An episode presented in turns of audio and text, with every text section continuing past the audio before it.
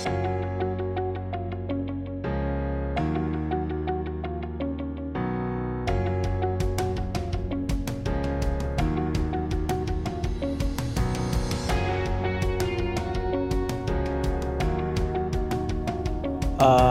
halo semuanya, uh, balik lagi ke gua Raymond. Uh, ini podcast gua yang kedua.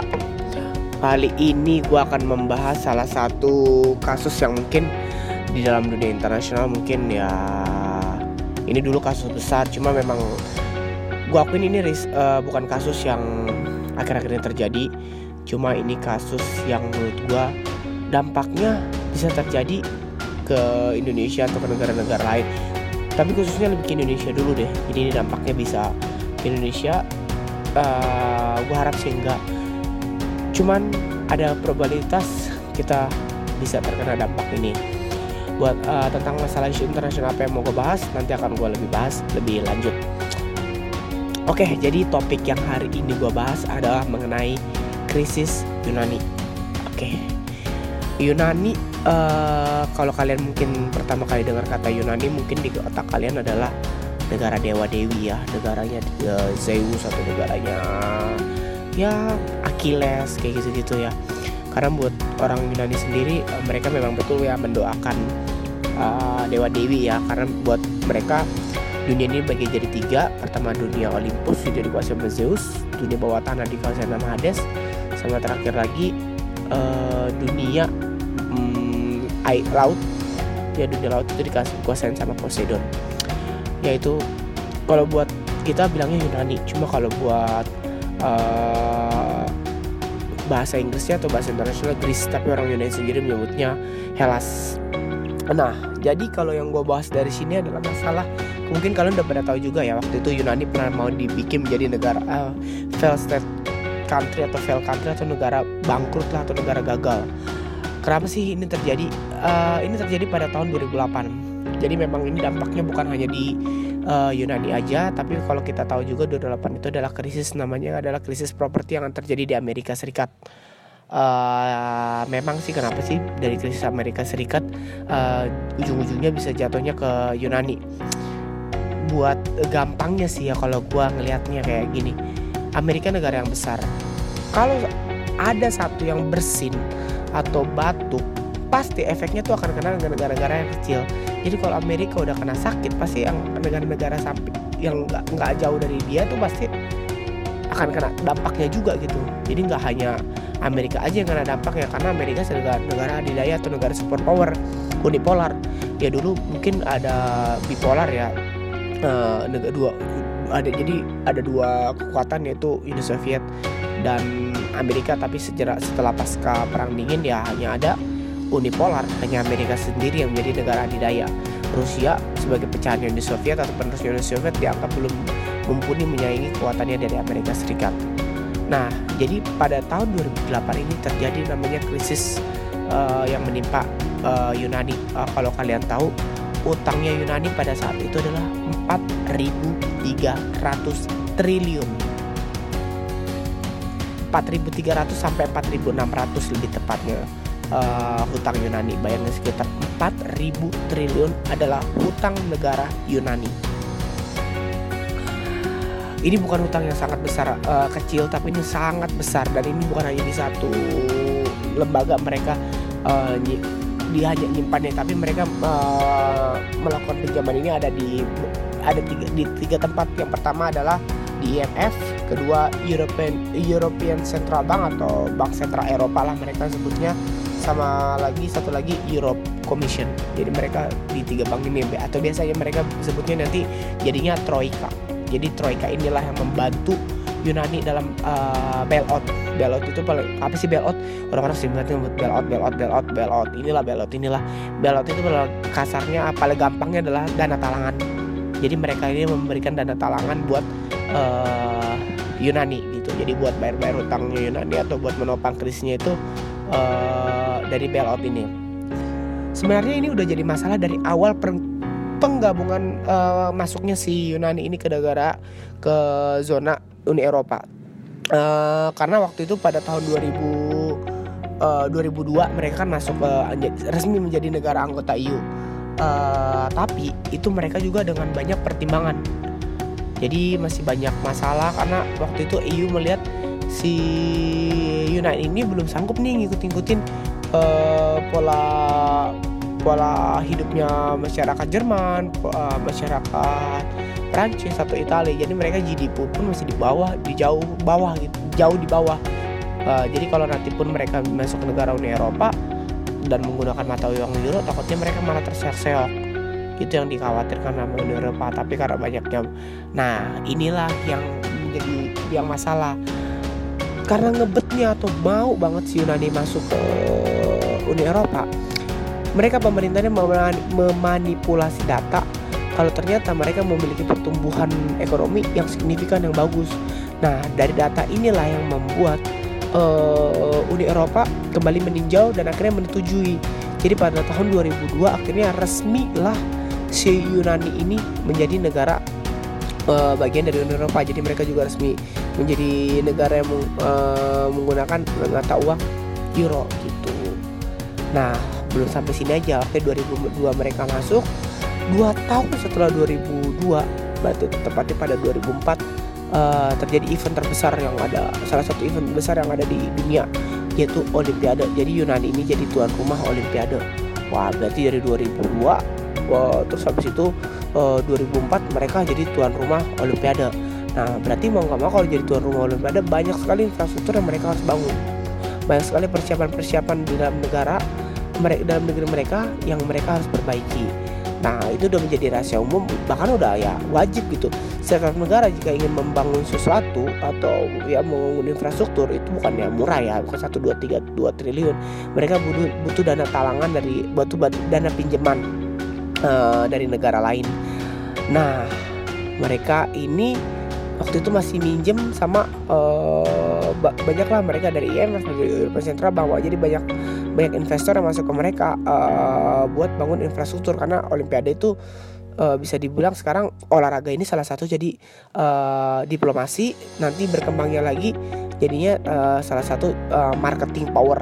Nah, jadi nanti gue mungkin bahas lebih jelasnya lagi mengenai um, diplomasi dalam hal olahraga. Nah jadi 2004 mereka jadi tuan rumah berarti banyak sekali infrastruktur mereka juga banyak butuh dana talangan. Apa mereka masih transisi dari mata uang yang mereka sebelumnya mereka sekarang menggunakan mata uang euro. Dengan GDP mereka yang sangat rendah karena mereka memanipulasi data mereka pertumbuhan penduduk mereka GDP penduduk mereka tinggi padahal tidak sesuai kenyataan. Nah oke okay, 2004 mereka masih sukses ya terbilang sukses. Tapi dampaknya berarti panjang dong. Mereka udah minjem nih mereka berarti harus balikin.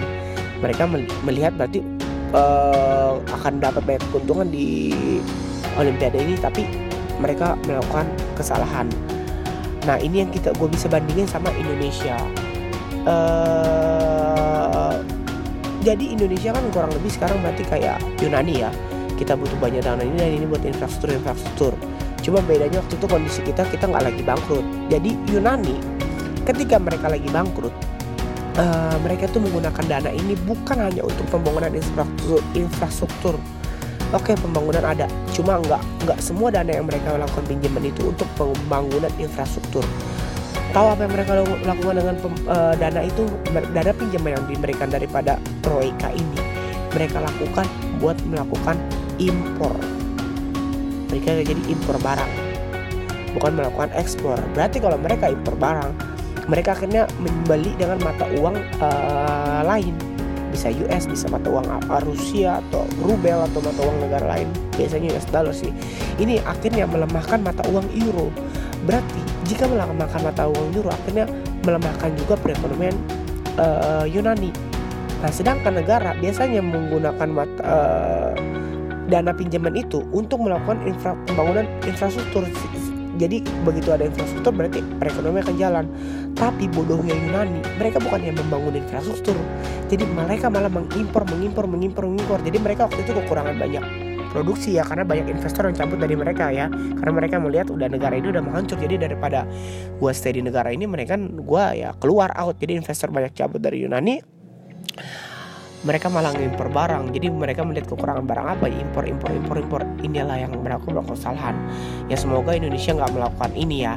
Karena uh, kita selama ini ya gua akuin kita banyak banget dana talangan dari IMF uh, habis itu juga dari China uh, investor kita dari Jepang juga. Jadi tapi bagusnya kita melakukan itu buat infrastruktur. Jadi perekonomian kita jalan dan hasilnya pun pasti ada gitu. Jadi semoga kita bisa bayar juga Oke lanjut lagi ke balik lagi ke Yunani. Jadi Yunani ini udah dapat dana, talangan dan namanya Troika. Jadi nggak paling sih sebenarnya dari IMF waktu itu IMF bukan di Christian Lagarde yang sekarang ya. Ya Christian Lagarde aja udah uh, resign. Jadi dulu IMF itu dipimpin oleh namanya Strauss-Kahn jadi Strauss-Kahn ini adalah pintar sih dia bawain eh, namanya orang IMF ya. Uh, otaknya jalannya. Jadi Strauss-Kahn ini melakukan uh, kayak um, dana pinjaman lah buat si uh, Yunani. Cuma dana pinjaman ini bersyarat. Apa syaratnya? Jadi syaratnya biasanya uh, bukan biasanya sih tapi syarat yang disebutkan sama si Strauss-Kahn ini pertama dia ingin uh, privat privatisasi BUMN yang kedua dia ingin menurunkan upah buruh. Dua hal ini sebenarnya ada banyak sih cuma dua hal ini menjadi kesensitif kesensitif hal sensitif lah buat masyarakat uh, Yunani. Jadi mereka waktu itu menolak. Oh, waktunya perdana menterinya bahkan sempat mengutarakan rakyatnya ambil atau enggak gitu kan. Papandreou ini yang menyebabkan ini mundur. Jadi kalian tahu gak sih dampaknya dua hal ini? Dua hal ini sangat dampaknya akan sangat besar loh. BUMN nggak boleh di diprivatisasi. Apa sih BUMN di, diprivatisasi? Bahasanya berat banget. Jadi bahasanya gampangnya kayak gini adalah anggap badan BUMN negara kita adalah uh, salah satunya PLN. Jadi PLN kita kita punya utang negara wah Indonesia amit-amit kita nggak bisa bayar utang ke IMF nih setelah bangun apa bangun ini. Oke, okay, IMF bilang oke okay, lo gak usah bayar, no problem gitu. Gue gue terima uh, konsekuensi itu gue udah ngasih minjem mungkin lo nggak bisa bayar. Cuma sebagai ganti ruginya gue mau BUMN lo salah satunya jadi punya gue.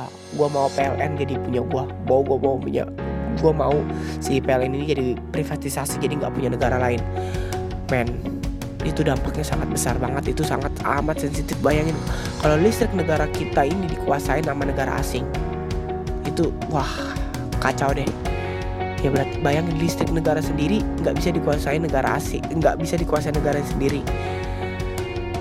Ya itu parah sih. Ya sebenarnya nggak nggak parah pak. Ya parah sih. Itu nggak semuanya parah sih. Contohnya ya ada ada ya kalau kalian tahu sih mata uang Amerika US dollar itu bukan punya Amerika. Itu punya Israel. Jadi setiap yang di mata uang US dollar yang dicetak itu ya ada pajaknya ke Israel. Jadi the Fed itu sebenarnya bukan milik Amerika. The Fed itu adalah milik Israel gitu nah jadi privatisasi ini bahaya sekali. Nah waktu itu si Strauss kan minta beberapa BUMN jadi diprivatisasi tapi uh, eh, gue kasih dana tapi gue mau privatisasi nih BUMN negara lu. Wow itu sangat sangat sensitif. Yang kedua adalah menurunkan upah buruh. Jadi waktu itu buruh-buruh yang ada di Yunani upahnya akan diturunkan. Jadi ya ini membuat uh, kayak negara-negara lain membuat Yunani sebagai mungkin uh, tempat pabrik-pabrik mereka karena upah buruh gitu kan daripada mereka jauh-jauh ke Asia nyari upah buruh murah ternyata di Eropa ada yang murah nih di Yunani. Nah itu juga ditolak besar-besaran warga Yunani. Mereka lagi krisis mereka butuh duit tapi malah pengurangannya gila-gilaan. Itu juga masalah pengurangan dana pensiun 3 tahun. Itu juga diprotes gila-gilaan buat karena penghematan negara penghematan negara. Jadi Yunani pada saat itu memang benar-benar dari semua sektor mereka mau menghemat. Ini ya ini yang dampak panjangnya uh, terjadi buat Yunani. Nah jadi si Troika ini udah ngasih habis itu akhirnya hmm, terjadilah demo besar-besaran yang ada di uh, Yunani pada saat itu. Uh, apalagi waktu itu mereka uh, APBN negara mereka itu kan masuknya dari dua sektor yaitu sektor perkapalan sama satu lagi sektor pariwisata. Karena kan Yunani sebagai negara archipelago juga mereka pariwisatanya lumayan laris dan mereka juga negara puluhan. Mereka salah satu produksi kapal komersil yang lumayan uh, nomor satu lah atau hmm, bisa dibilang tiga besar di dunia. Ini turun drastis karena masalah ini uh, dan akhirnya turun pariwisata turun produksi kapal akhirnya mempengaruhi BUMN sedangkan mereka waktu itu pada saat itu lagi butuh banyak duit. Nah ini yang menyebabkan Yunani menjadi hampir negara gagal akhirnya mereka dibantu dengan dengan dana troika itu. Akhirnya ya buntut panjangnya sih sebenarnya jadi ke nggak hanya ke Yunani jadi ke Uni Eropa. Ya, karena prinsipnya Uni Eropa itu mereka prinsip bagus. Ini yang gue gue senangin dari Uni Eropa uh, berbeda dengan ASEAN. ASEAN itu lebih berdiri duluan daripada Uni Eropa. Tapi kenapa Uni Eropa lebih maju? Karena Uni Eropa itu tidak menggunakan asas uh, musyawarah mufakat. ASEAN itu buat ngambil suatu keputusan lama sekali. Jadi mereka kalau contohnya anggap ada satu keputusan harus semuanya setuju. Bayangin sampai kapan kita nunggu semua negara satu negara satu negara ini satu regional ini satu kata satu bulat gitu katanya iya iya enggak enggak. Mustahil kan. Uni Eropa tidak menggunakan asas itu. Jadi mereka biasanya lebih menggunakan voting. Atau mereka mendengarkan uh, usul dari negara-negara besar. Ya salah satunya salah satunya Jerman ya. Eh, kenapa Jerman salah satu negara terbesar dan dirugikan dalam kasus uh, Yunani ini? Karena Jerman itu adalah kreditor nomor satu untuk Yunani karena Jerman kreditor nomor satu Yunani dan Yunani lagi hancur lagi bangkrut ini merugikan juga buat perekonomian Jerman. Berarti mereka hmm, intinya mereka kena namanya domino effect. Jadi efek efek domino dari si Yunani ini. Nah akhirnya ini melemahkan juga perekonomian Jerman. Akhirnya buntut panjangnya dan melemahkan juga mata uang euro. Nah mata uang euro melemah berarti juga meng meng mengancam negara-negara pengguna euro yang lainnya Walaupun nggak semua negara udah pernah menggunakan euro ya Seperti Denmark ya Atau enggak Inggris ya. Ya Inggris sekarang kan bahkan bukan Uni Eropa. Ya dulu, dulu.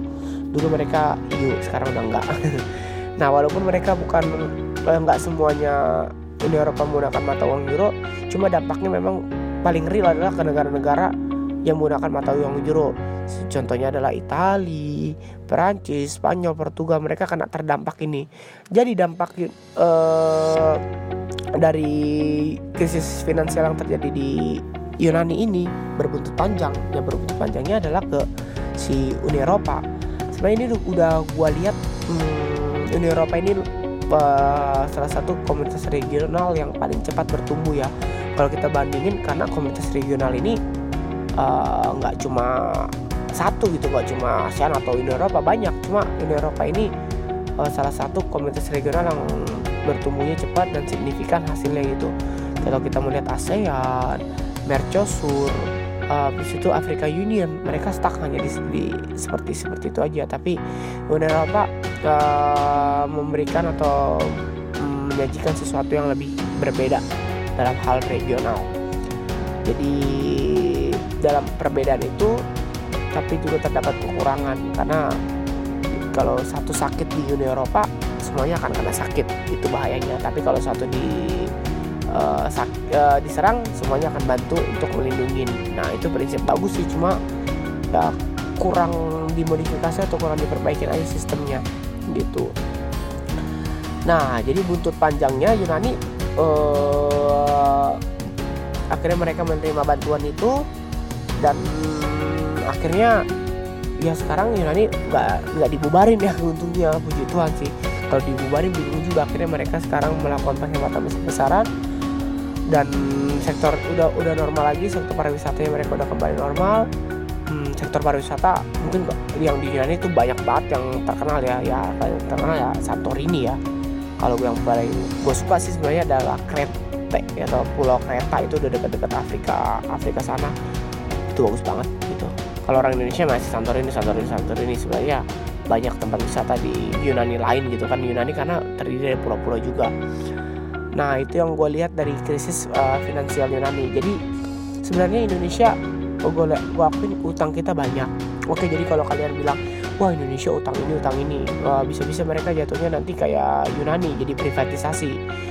Uh, BUMN-nya diambil sama negara lain. Itu yang terjadi sampai sekarang sih. Akhirnya mereka diprivatisasi. Jadi ada beberapa sektor BUMN yang ada di Yunani ini sekarang dimiliki ada sebagian dimiliki China ada sebagian sekarang dimiliki IMF gitu. Nah kalau dari gue lihat pihak Indonesia kita bagus. Kita karena menggunakan itu bukan hanya untuk impor. Kita nggak kekurangan anggaplah kita kekurangan ini kita impor. Kita kurang ini kita impor. Sebenarnya kalau kita impor impor itu justru itu melemahkan mata uang kita loh tanpa kita uh, kalian sadarin. Jadi sikap konsumerisme kalian itu itu melemahkan mata uang kita. Makanya selalu digalakkan pemerintah adalah cintai produk dalam negeri cintai produk, produk dalam negeri. Kalau kita membeli uh, produk-produk dalam negeri artinya kita menggunakan rupiah berarti rupiah uh, bisa jadi menguat gitu. Karena kan prinsip prinsipnya dalam mata uang itu kalau semakin banyak pening, uh, permintaan terhadap rupiah berarti rupiah akan menguat kenapa permintaan rupiah banyak berarti itu juga berhubungan sama perdagangan. Kalau perdagangan kita kita sering lakuin ekspor mau nggak mau uh, berarti menggunakan mata uang rupiah kan berarti mata uang kita akan kuat wah dari Indonesia. Jadi efeknya akan saling berkaitan akan saling sambung menyambung. Dari masalah perdagangan bisa lari-larinya ke mata uang. Gitu. Jadi mulai sekarang uh, lebih baik kita menggunakan produk dalam negeri nah tapi hmm, utang kita tadi gue bahas lagi utang Indonesia utang Indonesia kalau kalian bilang oh utang Indonesia utang banyak Indonesia banyak banyak ini. Men kita nggak mungkin bangun jembatan bangun jalan yang ribuan kilometer itu pakai uang APBN negara kita sendiri. Bisa sih sebenarnya cuma habis dia buat cuma infrastruktur itu aja. Sedangkan kementerian ini kan kita nggak hanya fokus di satu sektor APBN aja hanya untuk pembangunan infrastruktur. Nggak gitu masih banyak kan hal yang mesti diperhatikan negara dan itu menggunakan uang APBN gitu nggak bisa difokusin dalam satu hal aja nah oleh sebab itu pemerintah melakukan uh, dana pinjaman nah dan nyatanya ada terjadi pembangunan di uh, Papua dan di Kalimantan dan di mana-mana terjadi banyak pembangunan yang signifikan.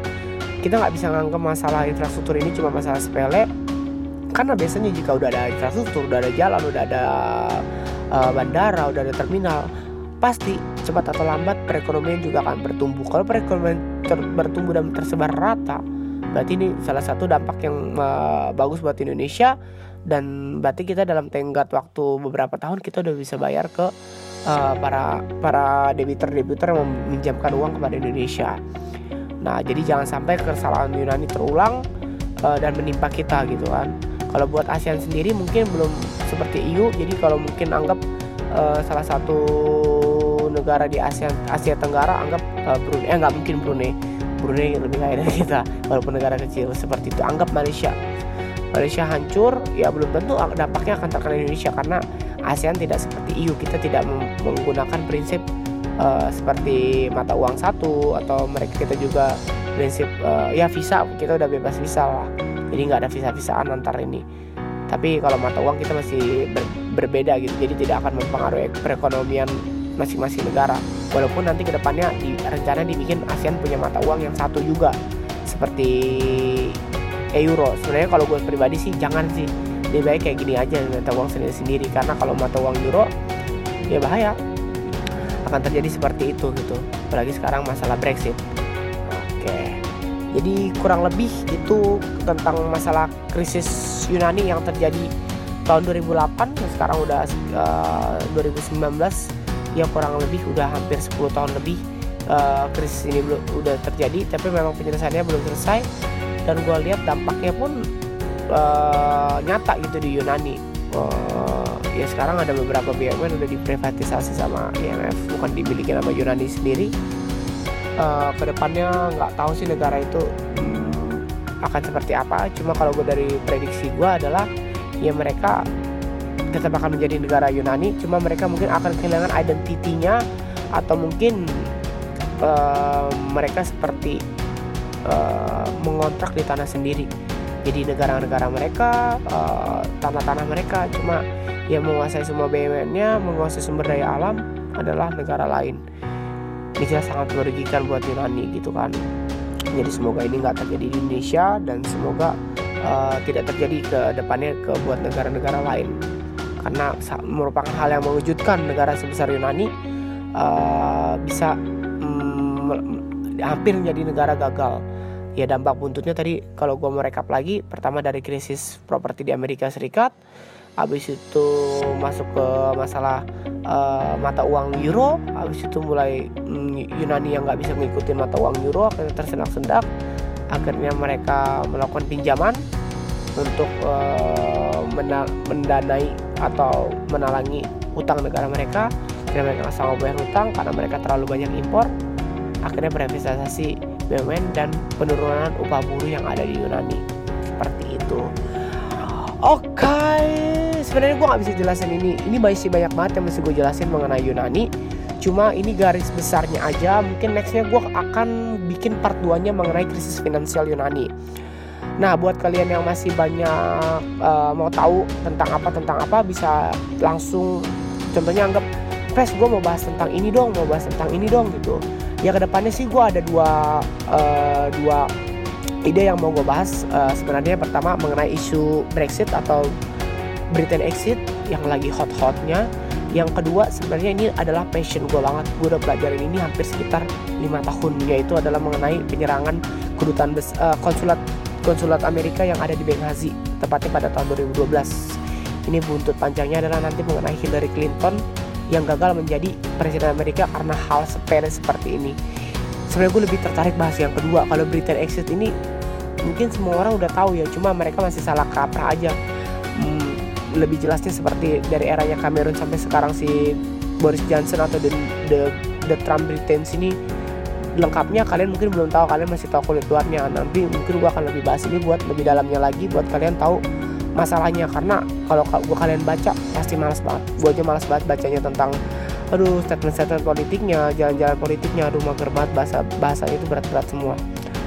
Atau kalian nanti ada ide lain bisa share aja ke atau mention gue atau DM gue di @topes21 di Instagram gue nanti gue coba akan baca atau uh, coba kalau gue tahu gue akan bahas kalau nggak tahu kita sama-sama belajar nanti gue coba ceritain lagi di podcast berikutnya kalau kalian menurut kalian itu menarik ya jadi kalau bisa kasih topik yang menarik. Oke, sekian dari gua. Terima kasih telah mendengarkan. Ciao ciao.